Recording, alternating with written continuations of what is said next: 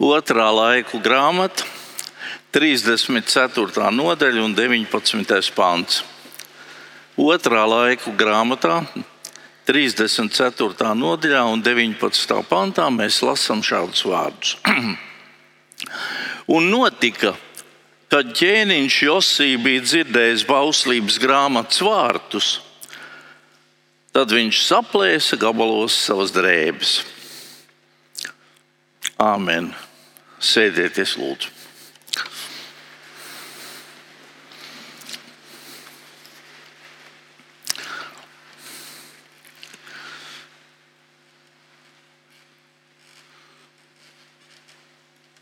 Vai jums kādreiz ir bijis kaut kas pazudis?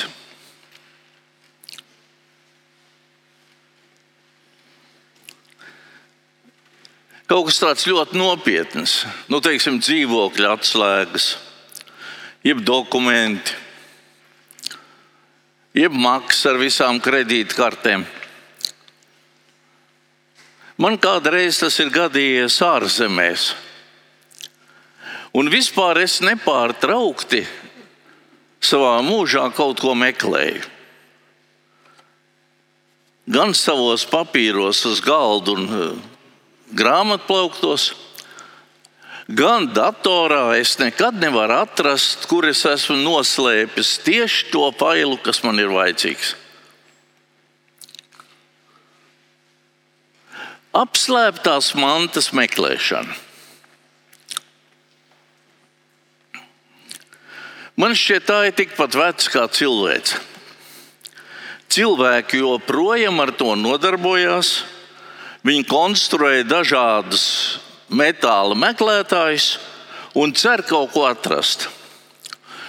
Man arī pazīstams viens tāds puisis. Pa laikam viņš kādu limonādes korķīti, kādu metāla pogu vai vecu Padomju monēta atrod arī, bet bagāts nav kļuvis. Es izlasīju ziņu, ka 2005. gadā pie Čīles krastiem 15 metru dziļumā ir atrasta lielākā apslēptā manta, kāda vispār cilvēces vēsturē ir atrasta. Tur ir ap 600 mucas ar inku zeltu. Un viss tas atradums ir apmēram 10 miljardu ASV dolāru vērtībā. Bībele arī daudz runā par meklēšanu. Labais gans meklē pazudušo avi, Sieva meklē pazudušo grasi, tirgotājs meklē dārgo pērli, sievas pie kapa meklē jēzu. Cilvēks ir aicināts meklēt Dievu. Visu tos iepriekšēji nosauktos gadījumus raksturo tādas divas kopējas lietas. Tā pirmā ir pazudis vienmēr kaut kas vairāk vai mazāk konkrēts. Tā ir avs, tas ir grasis, tas ir Jēzus, kura nav. Un otrs ir tas pats meklēšanas process, lai to pazudušo atrastu.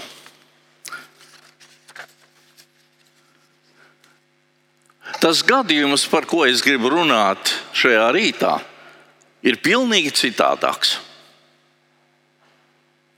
Tas ir nejaušs, negaidīts, necerēts atradums. Neviens to nemeklēja, nevienam to nevajadzēja, nevienu nebija satraucis tas, ka kaut kas ir pazudis. Vienkārši darot kaut kādus citus darbus, pavisam nejauši tam uzdūrās. Stāsts ir par ķēniņu Josiju.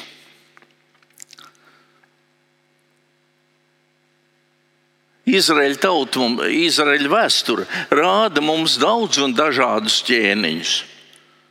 Gan Ziemeļvalstī, gan Dienvidvalstī, un visus viņus var sadalīt divās lielās grupās. Tie, kas darīja to, kas taisnīgs tā kunga acīs, un otra grupa bija tādi, kas darīja to, kas ļauns tā kunga acīs. Daudz vairāk bija to otro, to ļauno darītāju, to bezdievīgo, īpaši Ziemeļvalstī. Tas ķēniņš Josija, kas ir pieminēts šajā tekstā, pieder pie tiem ķēniņiem, kas darīja to, kas taisnīgs tā kunga acīs. Viņš bija tikai astoņus gadus vecs, kad viņš kļuva par ķēniņu. Nu, kas tas par ķēniņu? Pavisam vēl bērns. Bet mēs lasām par viņu, ka viņš staigāja visus sava ciltstēva Dāvida ceļus, un viņš nenovērsās ne pa labi, ne pa kreisi. Pirms viņa neviens ķēniņš tā no visas sirds nebija pievērsies mūsu bauslībai. No visas dvēseles un ar visu spēku viņš centās darīt to, kas dievam patīkams. Arī pēc viņa Bībele vairs nerāda nevienu tādu ķēniņu. Josija redz, ka tie iepriekšējie ķēniņi, kas ir valdījuši pirms viņa, ir atkāpušies no dzīvā dieva. Un viņš veic tādus plašus pasākumus, lai lietas sakārtotu un lai valsti šķīstītu. Viņš nopost elku dievu augstienu, eh, elku dievu altārus kalnu augstienēs, viņš sadauza elku dievu tēlus, viņš sadedzina elku priesteru kaulus, viņš nokauja augstieņu priesterus.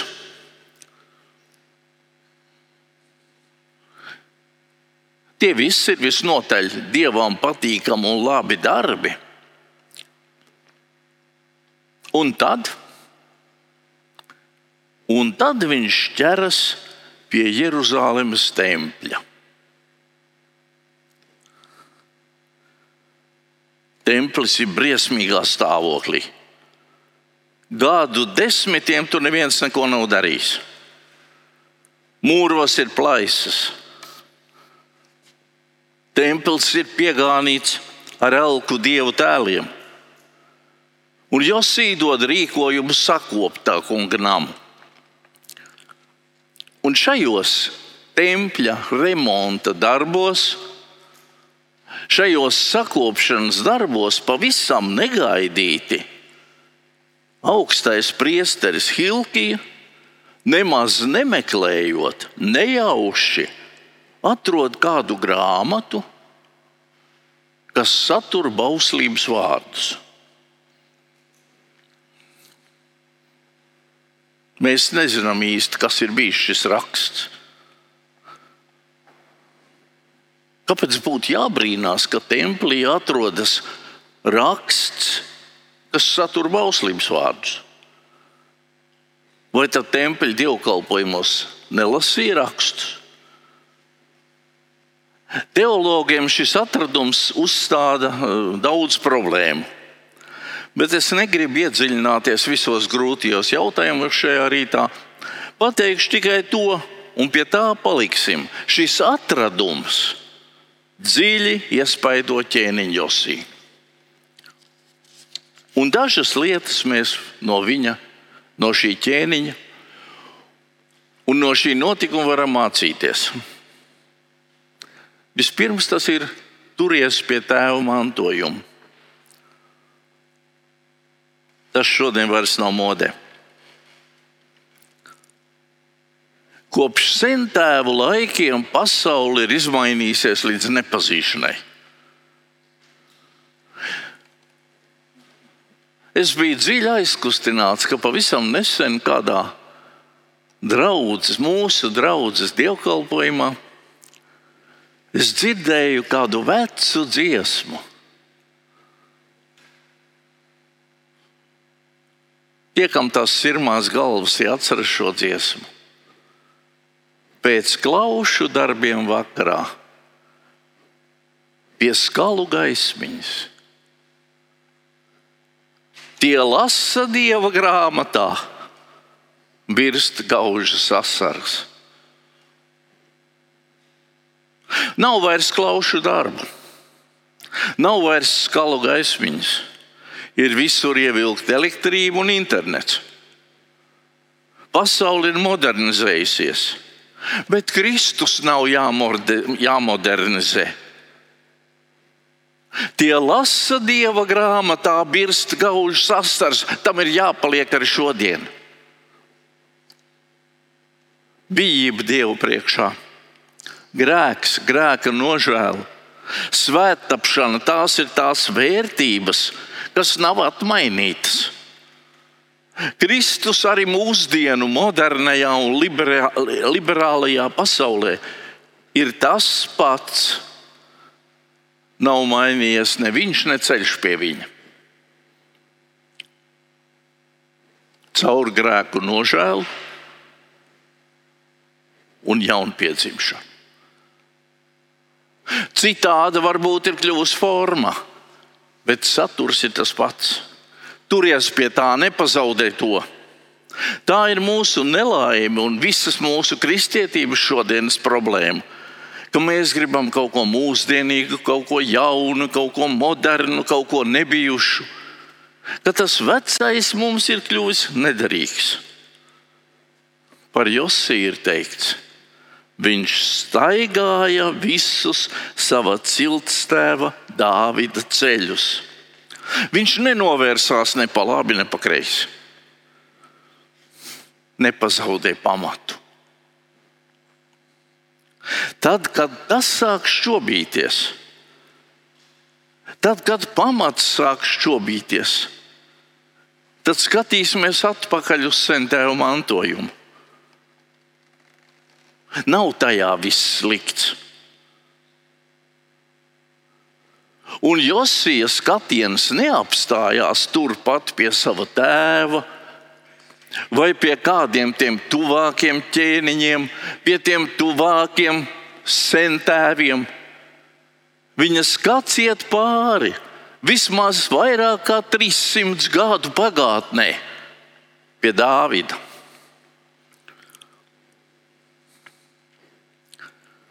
Turies pie tēva mantojuma. Es gribētu teikt, tas nozīmē turies pie Kristus. Nepazaudē to.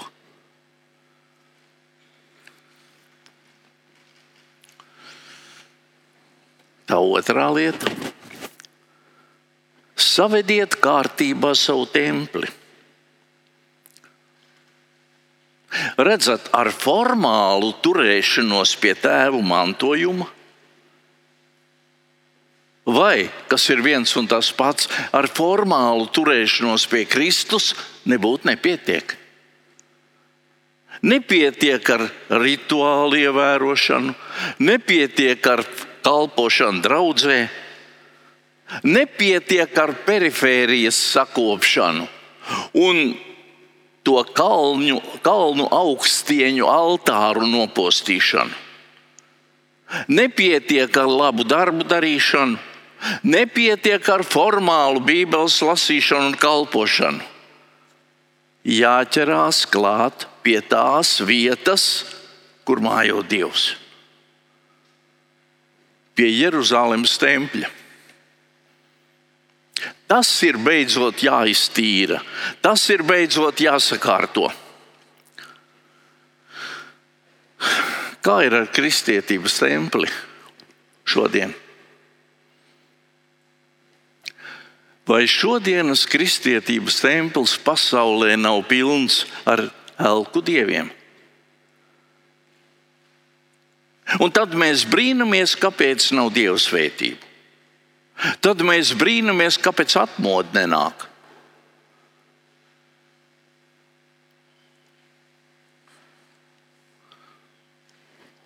Vai Dievs var svētīt tādu garīgo templi, kādu šodien būvē rietumu kristietība?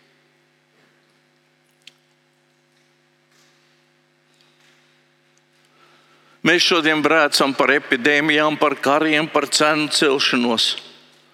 Nebrīnīsimies, ka pasaule ir tāda, kāda viņa ir. Kristietības templis ir pilns ar elkiem. Man šķiet, tas bija Alberts Einsteins, kurš teica, pasaule nav slikta tāpēc, ka tajā ir ļauni cilvēki, bet tāpēc, ka labie nedara to, kas viņiem būtu jādara. Vai tu esi izdarījis visu, lai tava valsts būtu labāka, lai tava draugs un tu pats būtu labāks?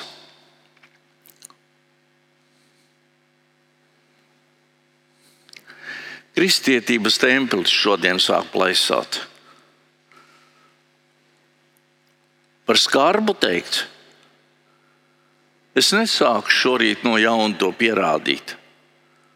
Jūs to paši labi redzat.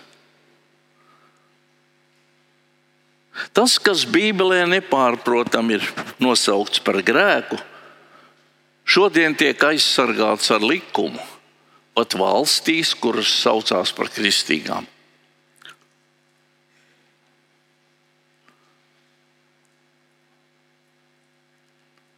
Vēl vairāk Mēs jau katrs pats esam Dieva templis. Vai mūsu garīgajā templī nav plaisas parādījušās? Vai tas nav piekrāmēts ar elku dievu tēliem? Mēs teiksim, nē. Tad man jāsaka, stop. Nevajadzētu maldīgi domāt, ka es nu tas vienīgais esmu tas labais, tas īstais, tas pareizais Kristus māceklis. Laikmeta gars ienāk arī manā garīgajā dzīvē. Laikmeta gars ienāk arī mūsu garīgajos tempļos. Un tas grauž to, tas šoba to, tas posta to, tas rada plaisas. Mēs nevaram savākt 150 tūkstoši balsis, parakstus par ģimenes nostipr jēdzienu nostiprināšanu satversmi. Man kaut kā šķiet, ka Latvijā skaitās vairāk kristiešu kā 150 tūkstoši. Fiziskā nama trūkumus mēs labi ieraugām. Tur kaut kur jumts tek, varbūt tur kaut kur sienas jākrāso kaut Dievs atvērt mums acis, ka mēs ieraudzītu tā garīgā tempļa plaisas, ka mēs ieraudzītu sevi, ka mēs ieraudzītu to, ka mēs daudz ko esam pazaudējuši no apstuļu mantojuma.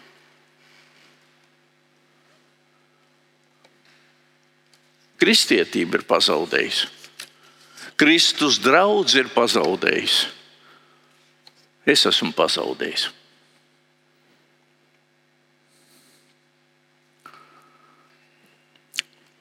Un tad, nu, trešais. Josija, tas ķēniņš, jauns puisis. Varbūt tajā laikā tik vecs kā Jānis šodien. Viņš izlasa to grāmatu. Un tas, ko viņš tur izlasa, tas viņu skar kā zibens. Viņš nevar palikt vienaldzīgs. Viņš secina, mūsu tēvi nav turējuši tā kunga vārdus. Viņš, viņi nav pildījuši to, kas tajā grāmatā rakstīts. Un Josija reaģēja pavisam dīvainā veidā. Viņš saplēš savus drēbes. Mums to nevajag darīt. Drēbes neplēsīsim. Jūdiem tā bija tāda rituāla darbība. Tā bija sēru vai galēja izmisuma zīme. Jaunā derībā Jēzus tiesāšanas procesā augstais priesteris tā reaģē uz šķietamo dievu zaimošanu. Pāvils un Barnaba tā reaģē uz to, ka ļaudis grib, ka ļaudis tur viņus pa dieviem un grib viņiem upurēt. Josiju satriet šī vēsts. Mēs esam kaut ko pazaudējuši no mūsu sentēva mantojuma, no Dāvida mantojuma. Kristieši mēs esam kaut ko pazaudējuši no Kristus mantojuma.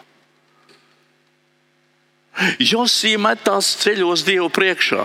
Viņš izmisumā saplēš drēbes un raud. Bet, bet Josija nepaliek izmisumā. Viņš lasa šo grāmatu visai tautai priekšā. Viņš pats slēdz derību ar Dievu. Viņš solās sekot savam kungam, turēt viņa baušļus. Un viņš panāk, ka tie pārējie dara to pašu. Un kamēr vien Josija dzīvo, mēs lasām, viņš un arī tie citi nemitējās sekotam kungam, savu tēvu dievam. Un tad, nu, otrajā ķēniņu grāmatā, kurā arī ir aprakstīts šis notikums, tur seko 17 panti. 17 panti, kuros ir aprakstīts tas, ko nu tagad Josija dara.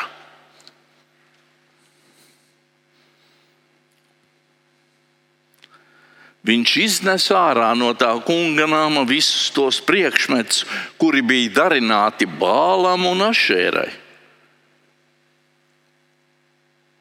tā kunga namā ir priekšmeti, kas darināti bālam.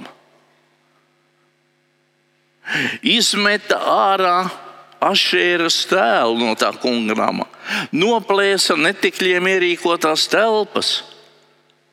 Šīs telpas atradās tā kunga namā, un tur sievas auda pārsegus ašērai.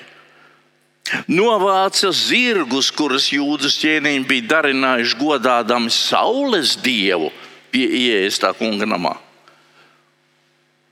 Par ko bija pārvērties templis?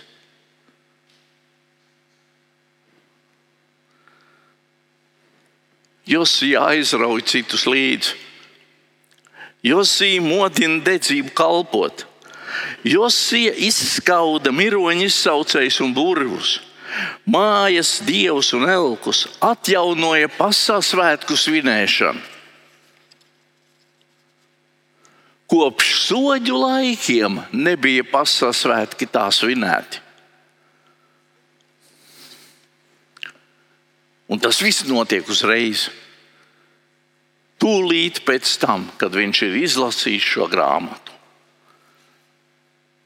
It kā jau dara to pašu, ko iepriekš. Iepriekš jau mēs lasījām, ka viņš tos kalnu altārus, elku altārus izpostīja un tā tālāk. Bet šķiet, šis ir pavisam cits cilvēks. Kaut kas ir izmainījies. Kaut kas iekšienē ir atmodināts. Kalpošana ir izmainījusies. Tas, ko Josija dara, nu nāk no atjaunotas dieva gara aizdedzinātas sirds. Vēlreiz, dievbijīgs ķēniņš. Viņš jau iepriekš tāds bija. Viņš arī pirms tam darīja to, kas taisnīgs tā kunga acīs. Dievbijīga ķēniņa dzīvē notiek milzīga pārmaiņa. Un šis ķēniņš iet vēsturē ar tā saucamo Josija kulta reformu 622. gadā pirms Kristus. Un tad, nu, ko tad mums darīt? Paklausīties šo skaisto stāstu, māt ar galvu un teikt, jā, tas Josija gan ir malacis. Es gribu novēlēt šajā rītā mums katram atrast kaut ko pazaudētu.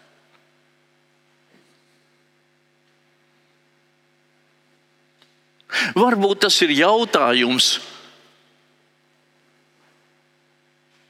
kā tad ir ar manu templi? Varbūt šis jautājums, kādā senās grāmatas vēsts, tev šajā rītā jāatrod. Varbūt tieši šim jautājumam ir jāieskanās kā eh, brīdinājuma, kā trauksmes zvanam. Vai manā templī nav plaisas? Vai es tur nesmu sanesis elku dieva, dievus? Vai es nepielūdzu kādus citus elkus? Varbūt kaut kas cits tev šajā rītā ir jāatrod.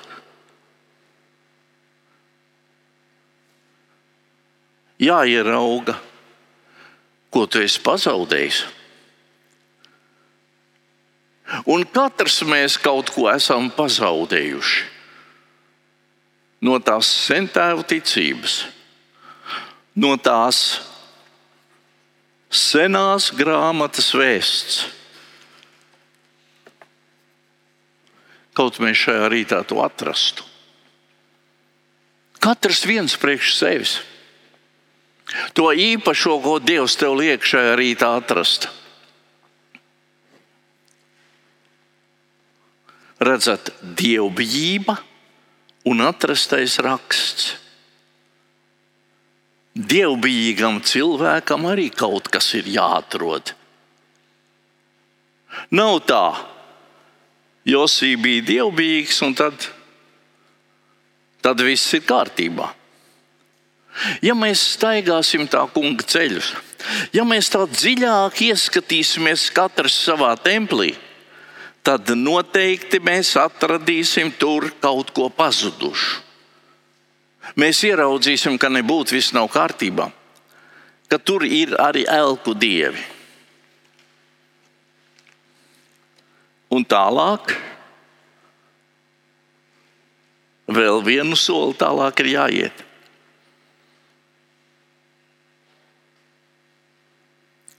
Šīs atrastās grāmatas vēsti lasīja ne tikai Josija. Viņu vispirms lasīja arī citi, un to citu vidū bija arī augstais priesteris Hilkija.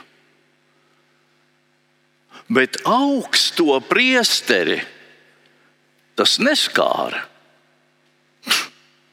Kas tas? Viņš palika vienaldzīgs. Augstais priesteris paliek vienaldzīgs. Daudzi lasīja templī atrasto rakstu. Daudzus neiespaidoja. Josijas kāra kā bultu. Satrauc viņu, izmainīja līdz sirds dziļumiem. Kurā grupā tu būsi?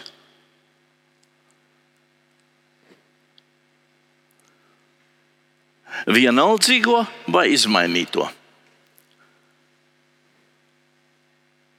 Vai saplēsīsi savas drēbes un slēgsi no jauna derību ar Dievu? Jeb vai paliksi atraduma vēsts neskarts. Bez izmaiņām tikai uz priekšu. Josijas piemērs rāda, ka arī dievbijīgam cilvēkam ir nepieciešama atjaunotne. Kā to panākt?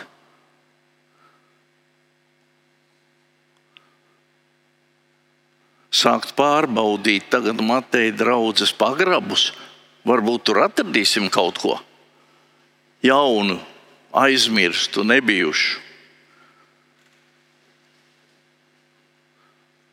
Bībele nekur nav pazudusi.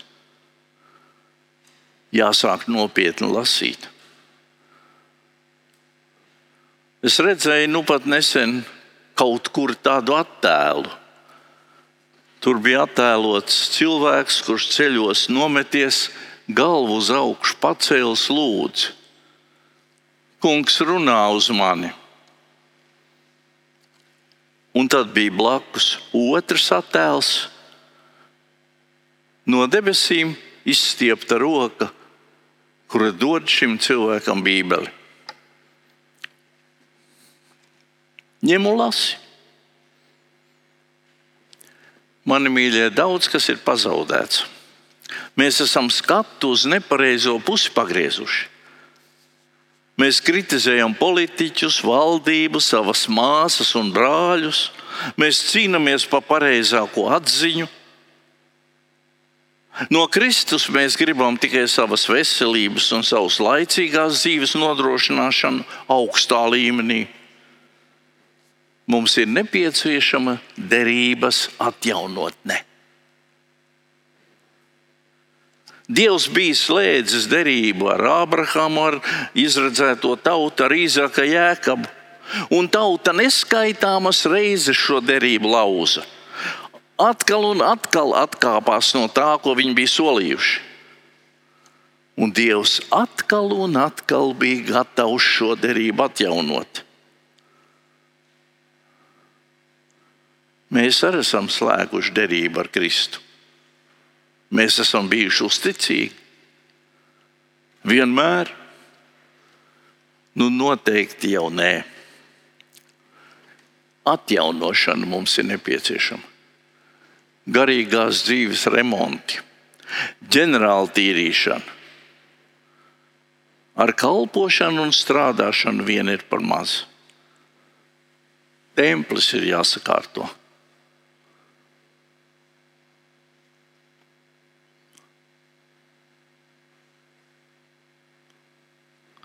Ziniet, un nav jau nemaz jāgaida, kamēr mēs nu kaut ko atradīsim. Deguna galā Dievs ir piestūmis mums daudzas lietas, ko vajadzētu mums ieraudzīt, saprast un sākt plēst savus drēbes. Nu, pavisam reāli kaut vai tie notikumi pasaulē, kas ir ap mums. Epidēmija, karš, sociālās problēmas. Mums vajadzētu sākt lasīt šo dievu vēstījumu. Tā ir dievu valoda.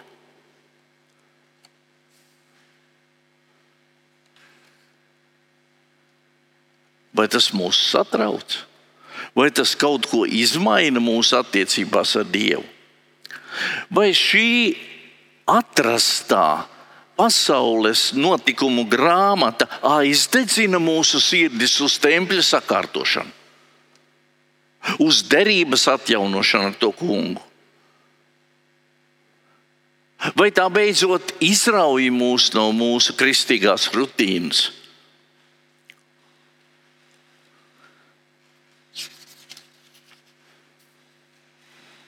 kaut garavējš atrautu vaļā tos mūsu sirds logus šajā rītā. Aizpūstu prom visu lieko, visu nevajadzīgo, visas tās grabažas, ko mēs templī savā esam savākuši, lai mūsu dievbijība iesāk mirdzēt, lai mēs sākam degt savam kungam. Kaut šī vēsts, ko Dievs šajā rītā noliek mūsu priekšā, tā mūs ķertu kā zibens, kā toreiz Josija. Kaut mēs nokristu ceļos un saplēstus, nē, neplēstu, bet vienkārši atjaunot savu derību ar Kristu. Tu to vari šo, šorīt, tu to vari tūlīt pat izdarīt. Tam jā, nav jānotiek visiem redzamā veidā. Tev nav jāceļās augšā, jāplēš drēbes. Tas var notikt pavisam klusu starp tevi un tavu kungu. Svarīgi ir, lai tas notiktu. Lūksim Dievu.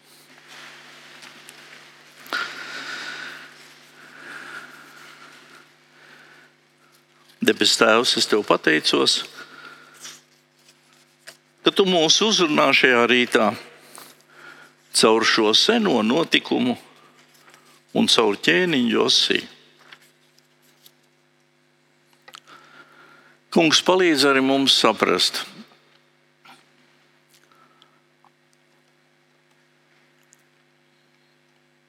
kā arī mums varbūt gadu desmitu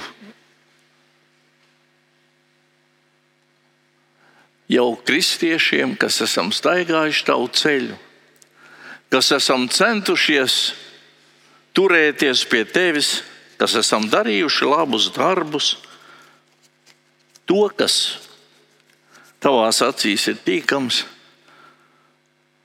kā arī mums tā ir aktuāla vajadzība un nepieciešamība. Atkal un atkal atjaunot savas attiecības ar Dievu. Kungs, tam jau vajadzētu notikt katru dienu, kad mēs no jauna nākam ar savu apņemšanos, ar, ar savu uzticību, ar savu nožēlu tavā priekšā. Tēvs palīdz to. Kaut mēs tavu vēsti un tavu balsi dzirdot, nepaliktu vienaldzīgi, aizskartu mūs ar savu liesmu no augšienes, lai tava svētā garvēž mūs sapurina aizpūš prom visu lieko un atjauno. Kungs, to es lūdzos priekš savas dzīves. Tos, to es lūdzos priekš saviem māsām un saviem, saviem brāļiem šeit, mūsu draudzē. Kungs un palīdz visiem kristiešiem pasaulē iet šo nemitīgas garīgās atjaunotnes ceļu. Tevi mēs pielūdzam, tevi mēs slavējam, Tēvu, dēlu un Svēto garu. Āmen!